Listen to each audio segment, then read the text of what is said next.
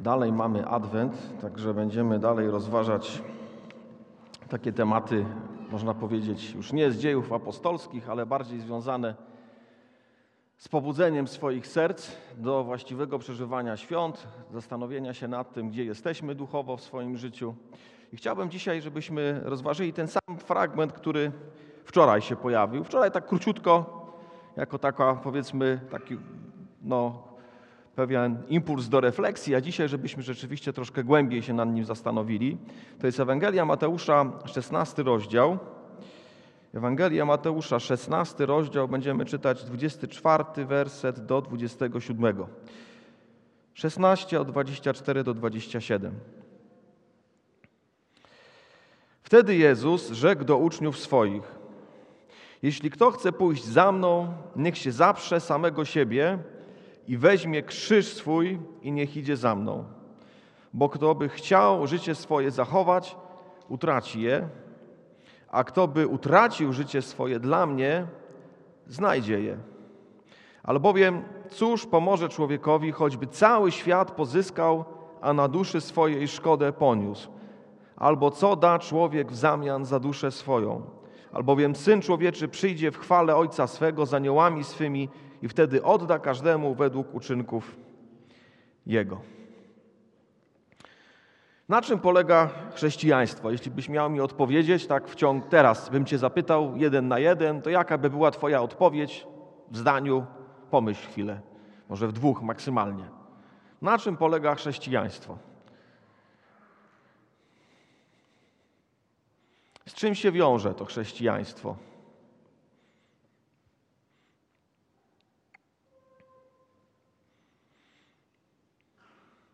Jakbyś miał z kimś porozmawiać chwilę, który by mówił: Słuchaj, no, generalnie podoba mi się chrześcijaństwo, ale pewne rzeczy mi się nie podobają w chrześcijaństwie. To jakbyś pomógł, czy pomogła takiemu człowiekowi oszacować koszty?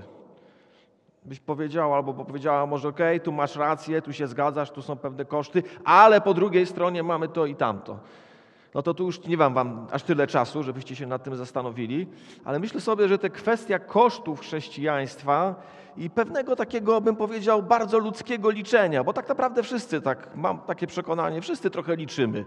Tak? Jak się nawracaliśmy, to pewnie żeśmy, no chyba, że w ogóle wszystko nam się wow podobało, ale jak się nam wszystko wow podoba, to też wiemy, że przychodzi moment, że przestaje nam się wszystko wow podobać. I dochodzimy do takiego etapu, że stwierdzamy, no dobra, ale pewne rzeczy to jednak gdzieś tutaj się wiążą z tym byciem chrześcijaninem, które tak nie do końca mi pasują, które mnie trochę uwierają. I zastanawiamy się, czasami wcześniej, przed nawróceniem, a czasami po nawróceniu. Czasami z tych zastanowień różnych ludzi różne wnioski wynikają, czasami sprawia to na przykład, że tych ludzi nie widzimy i gubią się na dobre, a czasami gubią się prawie na dobre, bo po 20 latach się pojawiają. Mówią, jednak byłem głupi.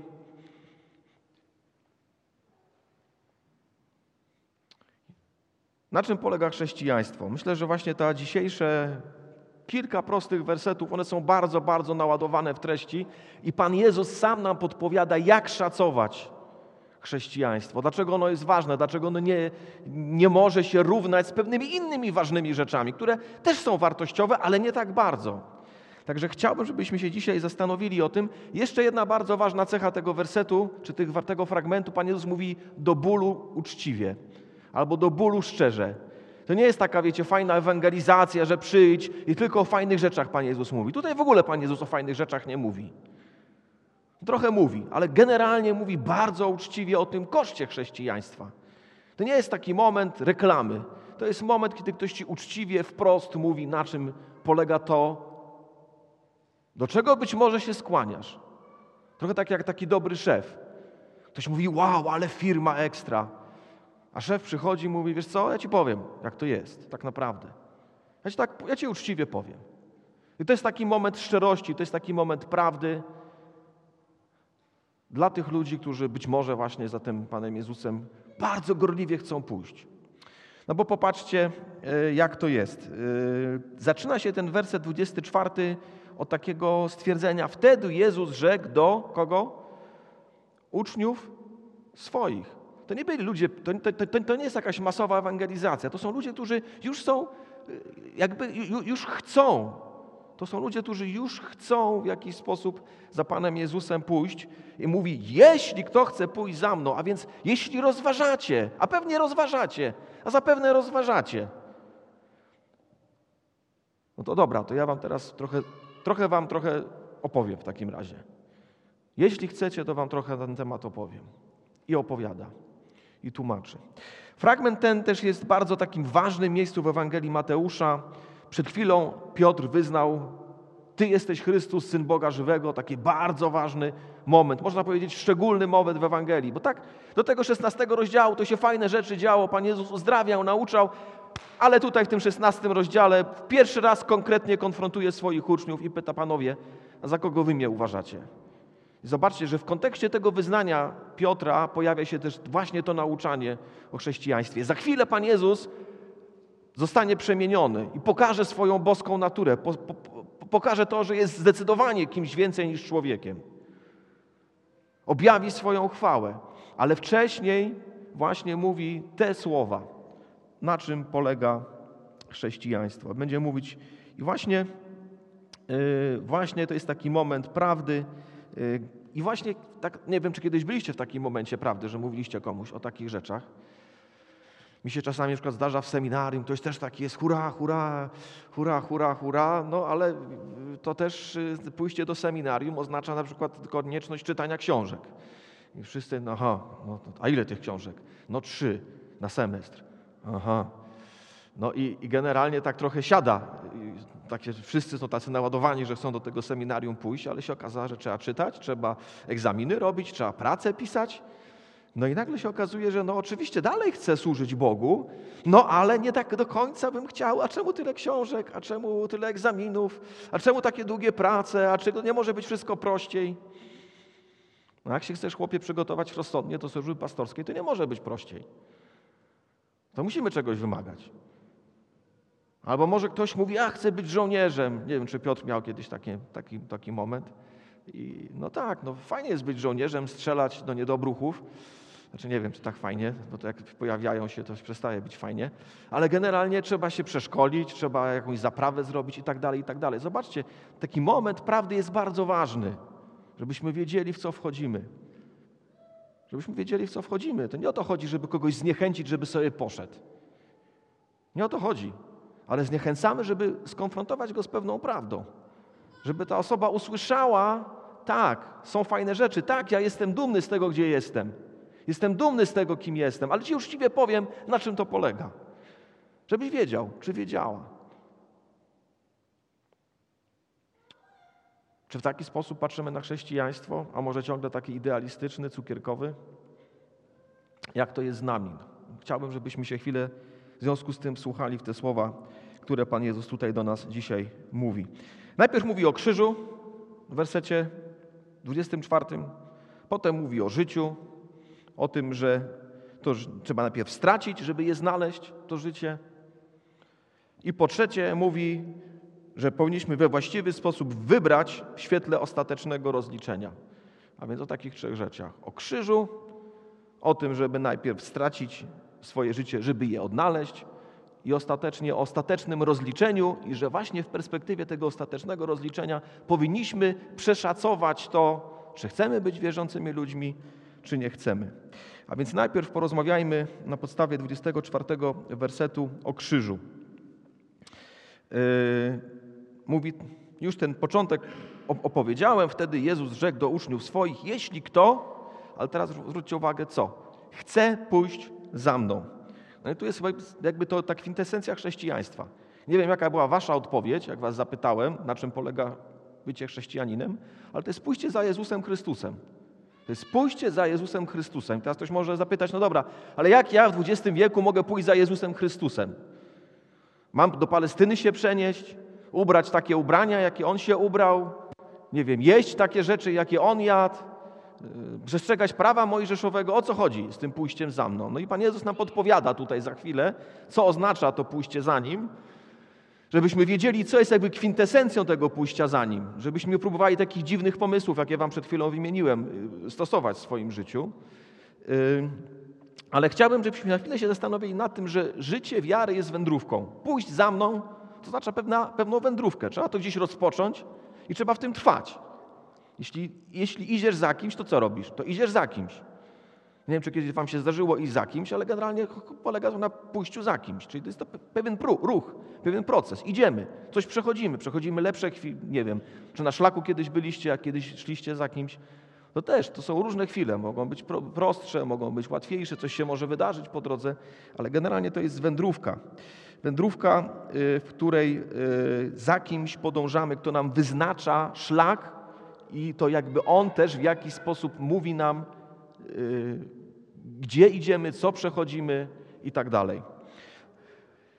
No właśnie, pójdź za mną, ale dwie rzeczy tu się pojawiają w tym 24 wersecie, które pokazują pewną jakość tego, co to znaczy pójść za mną. Pierwsza rzecz mówi: Niech się zaprze samego siebie. Chcesz pójść za mną? Naprawdę chcesz pójść za mną?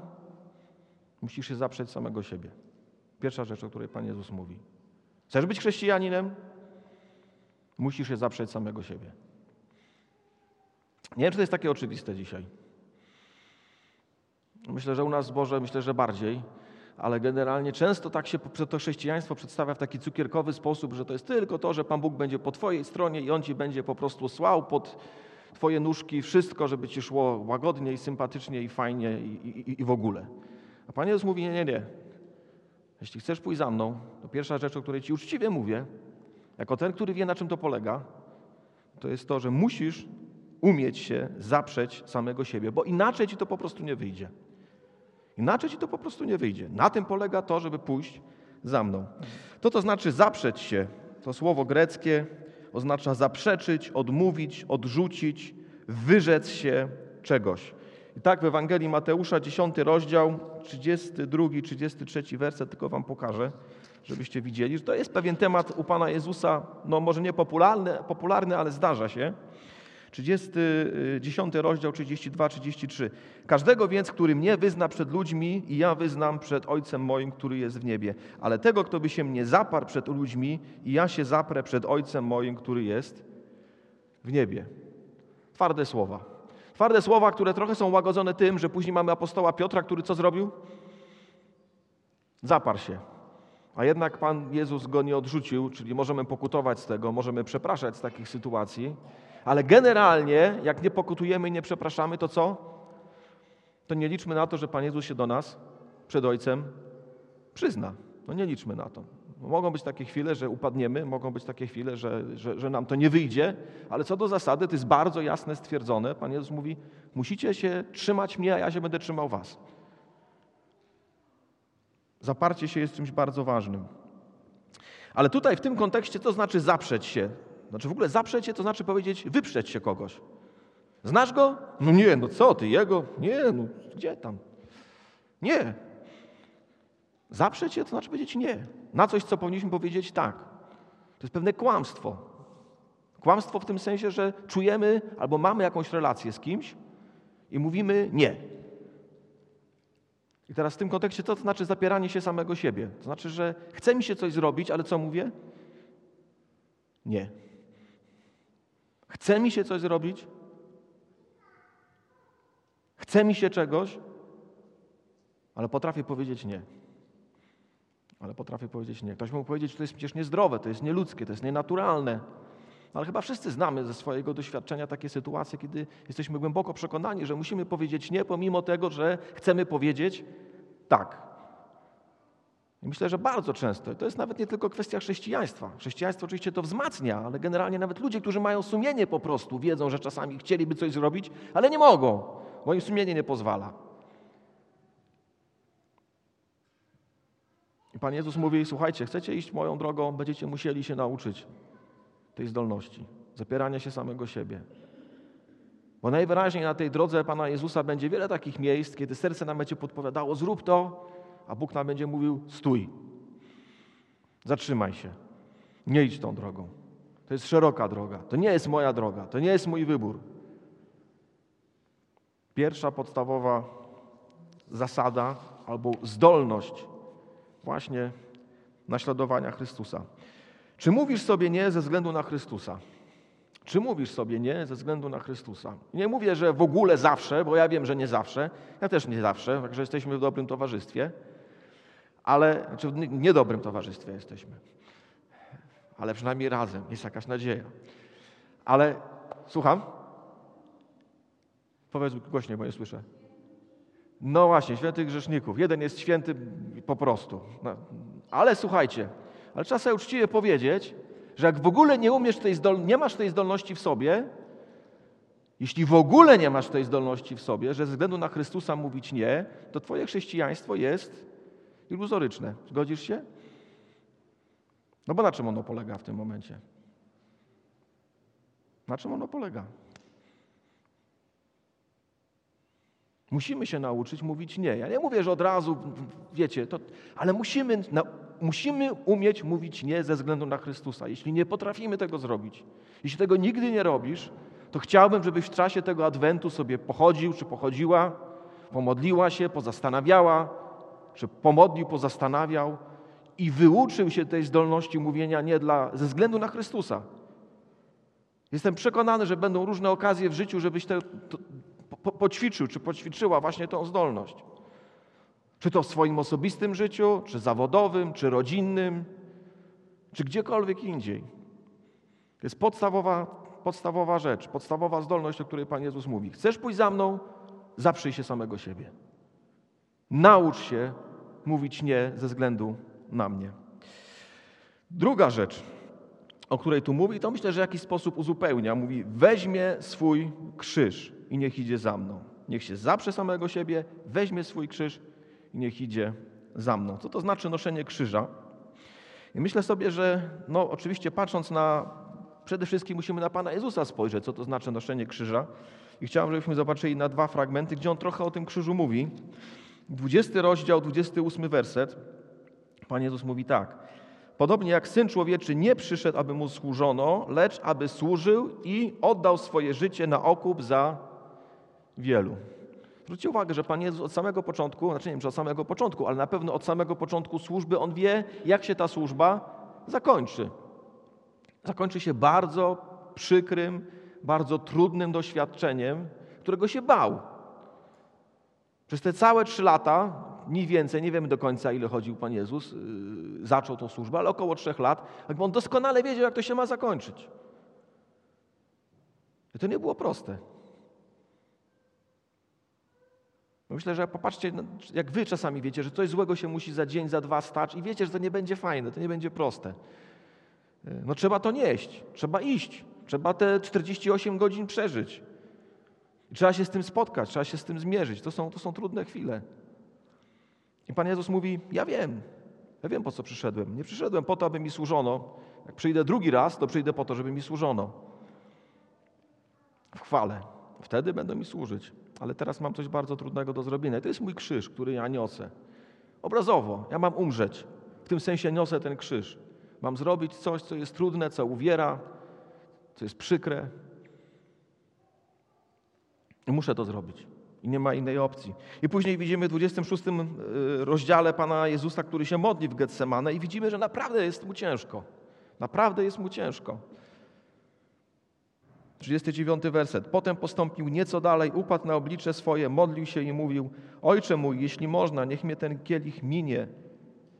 Jednak nie jako ja chcę, ale jako ty. Wrócił do uczniów, zastał ich śpiących, mówił do Piotra: Tak to nie mogliście jednej nocy czuwać ze mną? Czuwajcie i módlcie się, abyście nie popadli w pokuszenie. Duch wprawdzie jest ochotny, ale ciało mdłe. Znowu po raz drugi odszedł i modlił się, mówiąc: Ojcze mój, jeśli nie może, nie ten kielich minąć, żebym go pił, niech się stanie Twoja wola. Także patrząc na Pana Jezusa, co to znaczy niesienie krzyża? To znaczy, to znaczy powiedział, świadomość tego, że moje chrześcijaństwo nie polega tylko na rzeczach fajnych. To jest świadomość tego, że może się zdarzyć, że będę musiał złożyć swoje życie e, jako chrześcijanin, po prostu za wiarę. To jest świadomość tego, że Bóg mi nie obiecał, że, że zawsze będzie wygodnie. To jest świadomość tego, że może będę prześladowany, może, będę wyszydzany, może będę lekceważony. Może będę pogardzany. I tyle. I, i, i, i ten moment gdzieś yy, może nadejść. To nie jest obietnica, że na pewno nadejdzie w stu procentach. Przecież nie wszyscy chrześcijanie umierają, tak jak Pan Jezus za swoją wiarę. Ale ja bym powiedział, że w pakiecie bycia chrześcijaninem nie ma obietnicy, że tego nie będzie. Albo trochę na odwrót patrząc, jest obietnica, że coś takiego, coś nieprzyjemnego, coś trudnego będzie z tym związane. Tak jak u Pana Jezusa było związane. Z Jego drogą za Ojcem. A więc Jezus uczciwie nas przygotowuje na najgorszą opcją. opcję. To nie oznacza, że ona musi nastąpić, ale ona jest w pakiecie, a pakiet jest jeden. I w tym jednym pakiecie jest również właśnie takie ryzyko, taka możliwość nastąpienia czegoś takiego. I tak, kiedy myślałem sobie chwilę nad tym, zadałem sobie pytanie, które jest trudne, ale i od razu powiem, że moje pytanie, odpowiedź nie była prosta też. To nie tak, że to jest, wiecie, o tak, oczywiście, super, oczywiście. Nie, ale jakie, jakie pytanie? Pytanie jest takie, czy faktycznie godzę się na to, że moje życie nie należy do mnie? Czy faktycznie godzę się na to, że moje życie nie należy do mnie? Bo na tym to, to polega noszenie krzyża. Że ostatecznie to ojciec mi wyznacza drogę. To ojciec mi wyznacza drogę, a nie ja sam. Na tym polega chrześcijaństwo. Między innymi. Ale Pan Jezus uczciwie ten koszt tutaj nam wypowiada, żebyśmy wiedzieli, żebyśmy wiedzieli, na co się piszemy. Druga rzecz, werset 25. Na czym polega chrześcijaństwo? Na straceniu i znalezieniu życia. Na straceniu i znalezieniu życia. Najpierw musimy stracić, żeby je odnaleźć. I o co chodzi w tym wersecie? Myślę, że tutaj mamy taki kontrast, tak? Kto by chciał swoje życie zachować, co zrobi? Utraci je. To jest jedna jakby perspektywa. Druga, kto by swoje życie utracił dla mnie, znajdzie je. Zobaczcie, dwie, dwie drogi są porównane. Na jednej drodze ktoś wybiera, że zachowuje swoje życie dla siebie i skutkiem tego je traci. Drugi człowiek traci swoje życie dla Chrystusa i je znajduje. E, na czym ten werset się opiera? Myślę na takich dwóch, dwóch rzeczach. Po pierwsze, na tym, że myślę, że wszyscy oceniamy w naszym życiu różne opcje. Wszyscy oceniamy w naszym życiu różne opcje. Czy to chrześcijaństwo tak naprawdę jest prawdziwe? Czy to chrześcijaństwo naprawdę jest tym, w czym warto trwać? Czy to chrześcijaństwo naprawdę spełnia to, co obiecuje? Czy to chrześcijaństwo naprawdę jest dobre dla mnie? I oczywiście może te pytania nie pojawiają się tak zawsze, ale pytanie, jakbym tak was uczciwie zapytał, czy z tyłu głowy się takie pytania czasami nie pojawiają? Czy to faktycznie tak to, ta, tak to jest? Czy naj, najlepiej wybrałem, czy wybrałam rzeczywiście w życiu? A druga rzecz, ja bym powiedział, ten fragment pokazuje bardzo poważną różnicę pomiędzy naszym odczuciem a faktem. Możemy coś odczuwać, ale nasze odczuwanie niekoniecznie musi być prawdziwe. Możemy coś odczuwać jako zysk, a może to być stratą. I możemy coś odczuwać jako stratę, ale może się okazać tak naprawdę zyskiem.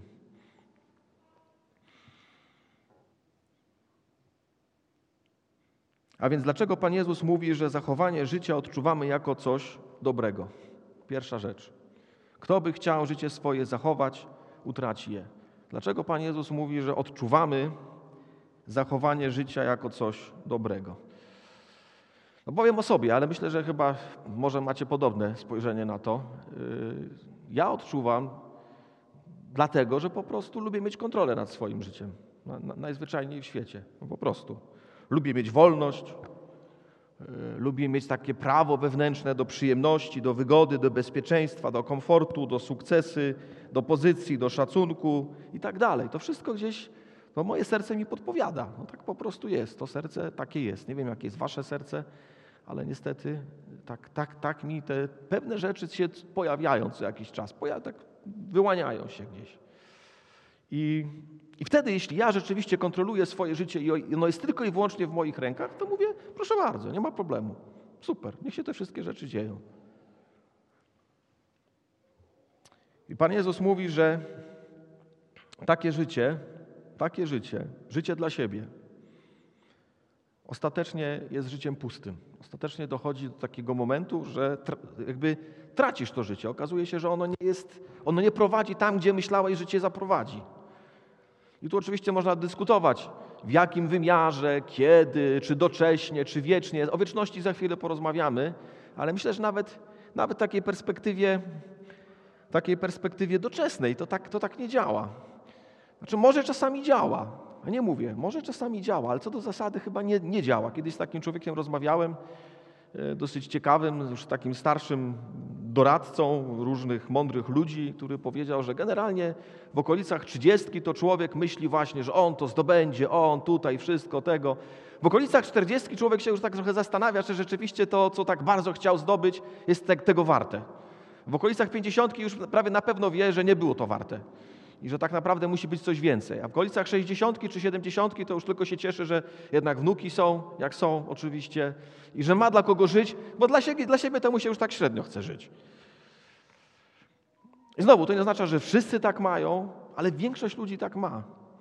Większość ludzi tak ma. Problem jest taki, że ten 60-latek czy 70-latek nie może z powrotem być 30-latkiem i, zacząć życie od nowa. Nie może. W związku z tym Pan Jezus uczciwie mówi na samym początku, mówi, słuchaj, żyj dla czegoś więcej niż samego siebie. Żyj dla czegoś więcej niż samego siebie, bo stracisz to życie. Się w pewnym momencie obudzisz i stwierdzisz, no można było to życie lepiej przeżyć. Można było inaczej zainwestować. Mój wysiłek, intelekt, pieniądze. No można było to wszystko inaczej zainwestować. No ale nie wrócę. Nie wrócę. Jestem w tym miejscu, w jakim jestem.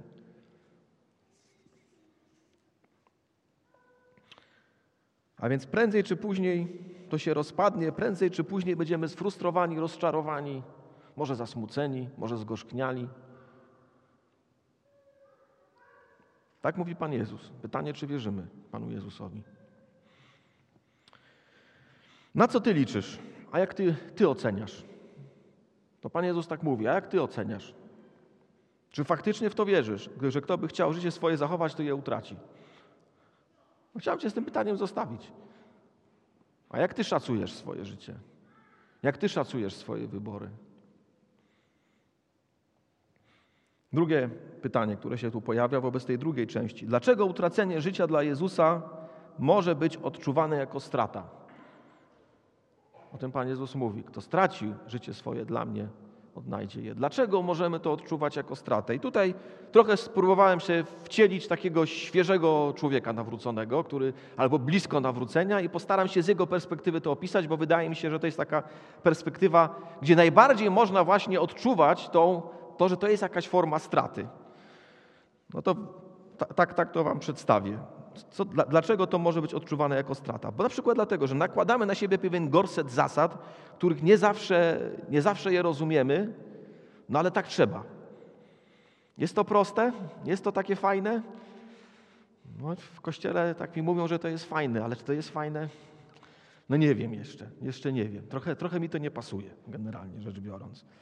Godzimy się z negatywną oceną naszych niektórych zwyczajów, do których się przyzwyczailiśmy, nałogów, o których może wiemy, że są złe, ale, no, ale działają, stylu życia, stylu wypowiadania się, języka, jakiego używamy, myślenia, stylu myślenia, plotkowania i tak dalej, i tak dalej. Godzimy się z, negatywną oceną tego wszystkiego. Czy to jest, yy, możemy się nawet intelektualnie zgodzić, że to jest prawda, ale czy to oznacza, że my faktycznie chcemy się tego wyrzec? No to już jest druga sprawa. To już jest druga sprawa. I trochę, i, i trochę tracimy. Możemy tak to odczuwać, że tracimy. Poddajemy swój umysł dziwnej czarnej księdze. Tak? Jest dziwna czarna księga? Dali mi do ręki i co kazali? Czytaj. Dziwna jest ta księga. Jakieś, wszedłem w jakieś dziwne oczyszczenia. Jakichś pięciu książąt filistyńskich się przeglądało, a potem zawróciło do ekronu no jak mi to ma pomagać? O tym ekronie, Filistyńczykach mam czytać? O co tam chodzi w ogóle? No ale kazali to co? Ale trochę to tak stracę, no mógłbym sobie fajny film obejrzeć w tym czasie, nie? Albo tam pójść do jakiejś knajpy fajnej i tam, albo mecz obejrzeć. No dużo fajnych rzeczy mógłbym zrobić. Siedzę, ślęczę. O co tam chodzi? Strasznie skomplikowana rzecz. Trudna, trudna. To jakoś inaczej powinno działać. Zmuszamy się do porannej modlitwy i czytania Biblii. To nam w ogóle nie idzie, no chyba, że niektórym idzie. Są takie wyjątki, znam takich chrześcijan, że im to idzie od samego początku, jak w masełko wchodzą po prostu.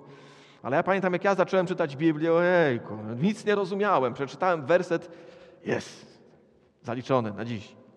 Zacząłem wersetem. Potem ze dwa wersety się udało, potem ze trzy nawet.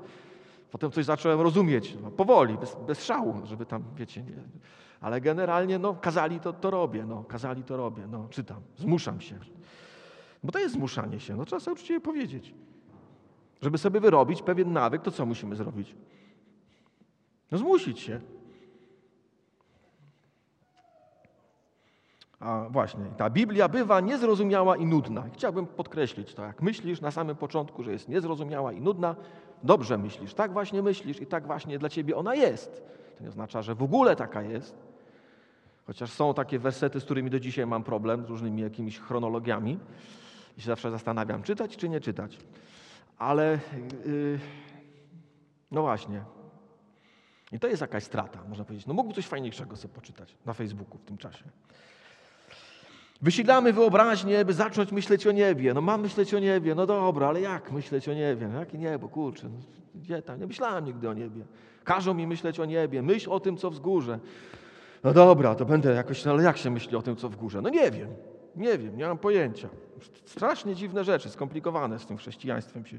Reorganizujemy niedzielę, a docelowo jeszcze mi pastor każe jakiś jeden dzień w tygodniu, żebym coś jeszcze robił, chodził gdzieś. Ej, spotykać się z nowymi ludźmi. Dziwni ci ludzie też, jakiś, nie znam ich. Muszę jakoś pogadać z nimi. No, no nie wiem. Imiona pozapamiętywać, żeby tam ktoś, wiecie, to poważne rzeczy są, skomplikowane, trudne rzeczy. No. I co? To jest zysk czy strata? Powiedzcie tak uczciwie. Jak to odczuwamy?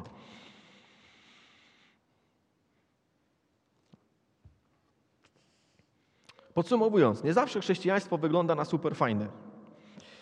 I dodam, że tutaj są tacy, którzy czasami się cofają. Mówią, nie, nie, nie, to nie dla mnie. To nie dla mnie. Nie, za, za, za dziwne te zasady macie, dziwne macie. Nie, no ja to tam, wiesz, pójdę tak dwa razy w roku do, do, do, do kościoła. Jak idę do lasu, to zawsze się modlę, zawsze się modlę. To tak faceci zazwyczaj mają. Idą do lasu, się pomodlą. I dobrze, i tak na kwartał im wystarczy. Nie? No i co? To jest to chrześcijaństwo? Ja nie mówię, żebyś się nie modlił w lesie, też się modlę w lesie. Jakoś tak skłania ten las do modlitwy, ale, ale wiecie o co chodzi. Wiecie o czym mówię. Eee... I chciałbym jeszcze jednej rzeczy powiedzieć, tu w kontekście tego właśnie. Czasami niektórzy mówią, no dobra, to już tak nie będę tym chrześcijaninem takim, tak jak powinienem być, no a tak całkowicie nie chrześcijaninem też nie będę, bo głupio. Może się ochrzciłem po drodze, Albo może trochę się tego piekła boję jednak, to tak będę tak mniej więcej po środku, trochę może bliżej tej niechrześcijaństwa, ale tak skoczę sobie tak raz na pół roku bardziej tego blisko tego chrześcijaństwa, a nawet raz do roku to już bardzo blisko będę tego chrześcijaństwa, a potem tak znowu troszeczkę, wiecie, tak bardziej tutaj jeszcze się ciągle trzymam tego, tego chrześcijaństwa, jakoś ciągle mnie tam ciągnie i ach, drapie się z powrotem. Okej, okay, jak masz w ten sposób zachować wiarę, to chwała Bogu, ale chciałem Cię zachęcić, że to raczej Ci nie da radości i spełnienia. Chciałem Cię zniechęcić do takiego myślenia, bo to radości i spełnienia Cię nie da. Może Cię rzeczywiście zachowa w wierze i wylądujesz w niebie. Życzę Ci z całego serca, ale radości i spełnienia z tego mieć nie będziesz. Nie będziesz, bo to po prostu nie działa. Znaczy działa jakoś, tak? Zbawieni jak przez ogień, wiemy, są tacy ludzie, jakoś tam będą, wylądują w niebie. Ale radości, satysfakcji w życiu chrześcijańskim, duchowym, to ci nie da. Ale zachęcę Cię teraz. Mam nadzieję, że Cię teraz zachęcę. Uwaga! To wszystko, co wyglądało na stratę, po pewnym czasie, po pewnym wysiłku, zacznie się okazywać zyskiem. I popatrzcie.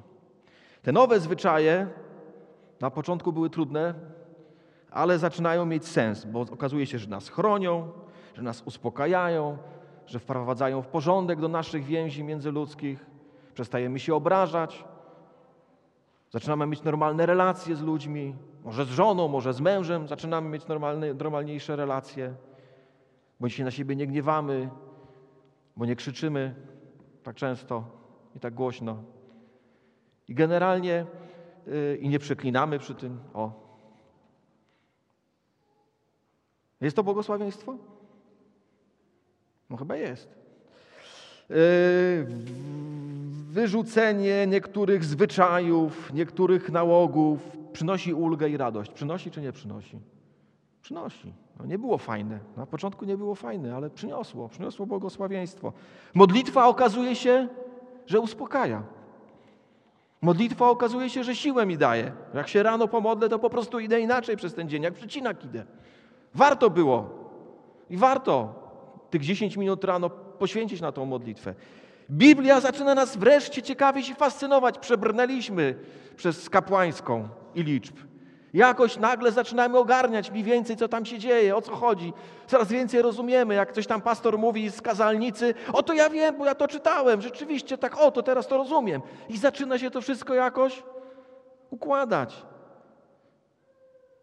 I nagle te wszystkie słowa biblijne zaczynają działać w moim sercu, zaczynają mi w głowie uporządkowywać historię zbawienia. Nagle zaczyna to wszystko już z takiego zarysu w mgle, zaczyna się krystalizować. Jakoś to wszystko zaczyna mieć sens. Coraz bezpieczniej się w tym czuję, coraz bardziej mi to daje radość. I wchodzę w to wszystko i rozumiem tą całą historię zbawienia. I to wszystko no po prostu jest moje. Zaczynam, zaczynam przyl, przylgnąć do tego, przylgn, nie, nie da rady się chyba czynnej formy od tego stworzyć. Przylegać. No właśnie, zaczynam, dziękuję, zaczynam przylegać do tego. I to jest moje. To jest moje. I zbór nawet. Pewnie, że to grzesznicy są, ale nawet zaczynam lubić ten zbór. Fajnie jest. Pewnie, że nie zawsze, ale fajnie. Co za zasady fajnie. Po prostu sympatycznie. Na kawkę można skoczyć na dół. E, także słuchajcie. Jest coś, co odczuwamy na początku? Jest. Ale do czego nas Pan Jezus wzywa? Myśl dalej i myśl szerzej. Myśl dalej i myśl szerzej. Tak, teraz jest coś do przerobienia. Tak, teraz jest pewne zadanie, które nie będzie proste. Tak, pewne zwyczaje trzeba wyrobić, bo jak ich nie wyrobisz, to nie będą działać, a jak nie będą działać, nie będzie błogosławieństwa. Ale jak zrobisz to, jak to przerobisz, to zyskasz. To zyskasz życie. Zyskasz błogosławieństwo, zyskasz radość, zyskasz pokój, zyskasz wdzięczność, uwielbienie w sercu, nadzieję, to niebo ci się zacznie jakoś wreszcie pojawiać, o co chodzi. No fajnie tam jest. Jakaś tęsknota się może pojawi do wieczności. Nawet po kilku latach. Może się zdarzyć. Takie rzeczy się zdarzają.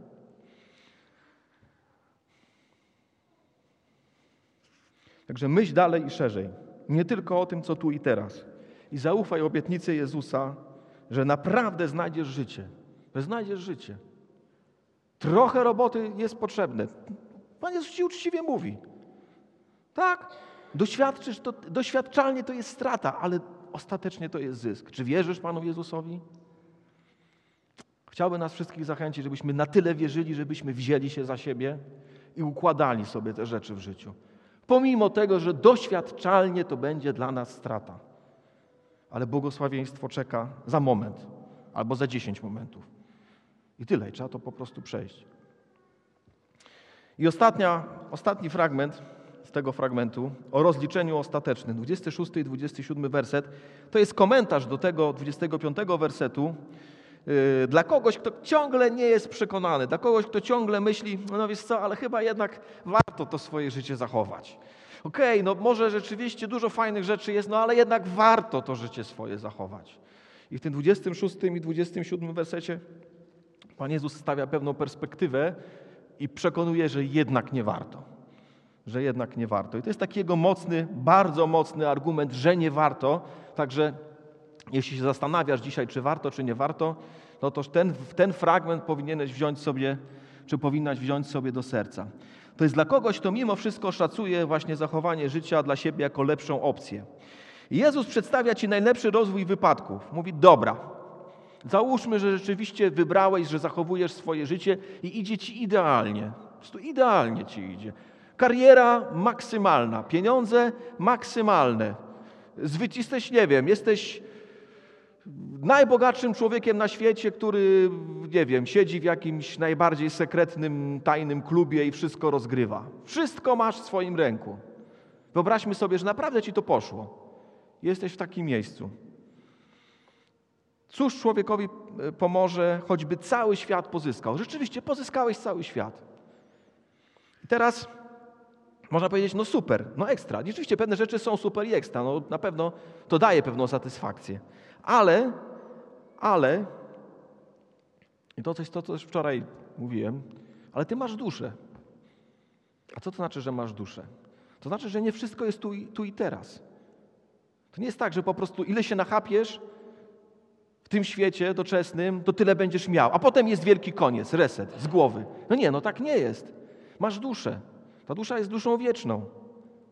I każdy z nas myślę, że mam nadzieję, że nie muszę was przekonywać, że dusza jest czymś wiecznym, czymś, co przekracza to, co biologiczne, to, co doczesne, jest czymś jakimś transcendentnym, pochodzącym od Boga, czymś, co nam podpowiada, że jest coś więcej. Już nie wchodząc w szczegóły, co jest tym więcej, ale że coś więcej jest. Że jesteśmy jakąś niematerialnym bytem, który przekracza to ziemskie ciało że coś dalej się z nami będzie działo. Już nie wchodząc w szczegóły teraz. Jesteś duszą, czy masz duszę, masz wieczność w, serce, w sercach wpisane, masz sumienie, masz zdolność oceniania rzeczywistości, masz zdolność myślenia, masz tęsknotę do wieczności. Masz coś, czego ma tylko Bóg, czyli masz, możesz wartościować jako coś sprawiedliwego bądź niesprawiedliwego, dobrego bądź złego, niegodziwego i szlachetnego. To wszystko jest w nas, to wszystko podpowiada nam, że jesteśmy czymś więcej niż tylko tym, co tu i teraz. I w związku z tym, że masz duszę, możesz ją stracić. I właśnie możesz ją stracić, żyjąc dla siebie. Tu i teraz. Tylko i wyłącznie. Możesz, to, możesz tą duszę stracić.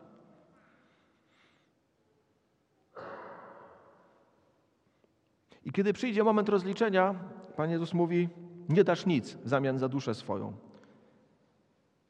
Nie, jest, nie możesz z Panem Bogiem pohandlować. Kiedyś taki słyszałem jakiś taki obraz, że jakiś super bogaty człowiek gdzieś tam coś chciał dać Panu Bogu. Jakiś Rothschild, czy jakiś Rockefeller, czy ktoś tam inny. Już nie pamiętam to było, czy to w jakimś filmie było. Ale generalnie idea jest taka, nie dasz Panu Bogu nic, bo On to wszystko już ma. I On od Ciebie wymaga czegoś innego. On od Ciebie wymaga tego, żebyś poszedł za Jego Synem. To jest ten Jego wymóg. To jest ten Jego wymóg, żebyś dla Niego stracił swoje życie i, i znalazł swoje życie w Nim. I to jest ten Jego wymóg i to On ostatecznie rozstrzyga, według jakich kryteriów będzie Cię oceniać, a nie Ty. I co z tego, że zyskasz nawet cały świat, kiedy, gdy przyjdzie Pan Jezus, jest powiedziane w 27 wersecie, albowiem Syn Człowieczy przyjdzie w chwale Ojca swego z aniołami swymi i wtedy odda każdemu według uczynków Jego. To będzie jego kryterium, nie twoje. Ty powiesz, patrz, ile zrobiłem. No mówi, no tak, ale zachowałeś życie swoje dla siebie, a nie o to cię e, pytałem. To nie była moja zasada. Moja zasada była zupełnie odwrotna. Miałeś wszystko zostawić i pójść za mną. No ale Panie Jezu. Co Panie Jezu? Co Panie Jezu? Wybrałeś. Wybrałeś taką drogę, a nie inną. I tyle.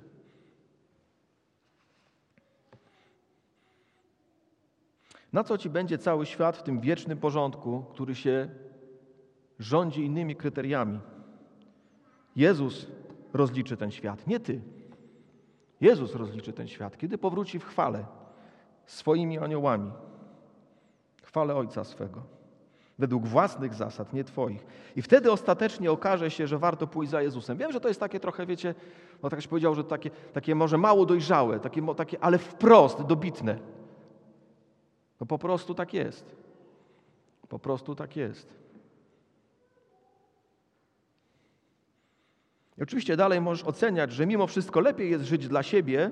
Ja jestem przekonany, że wiele osób stwierdzi, ok, Pan Jezus to powiedział, ale jaka jest szansa, że On tak naprawdę jest tym, za kogo się podaje i wybierze życie dla siebie. Jestem przekonany. Jestem przekonany.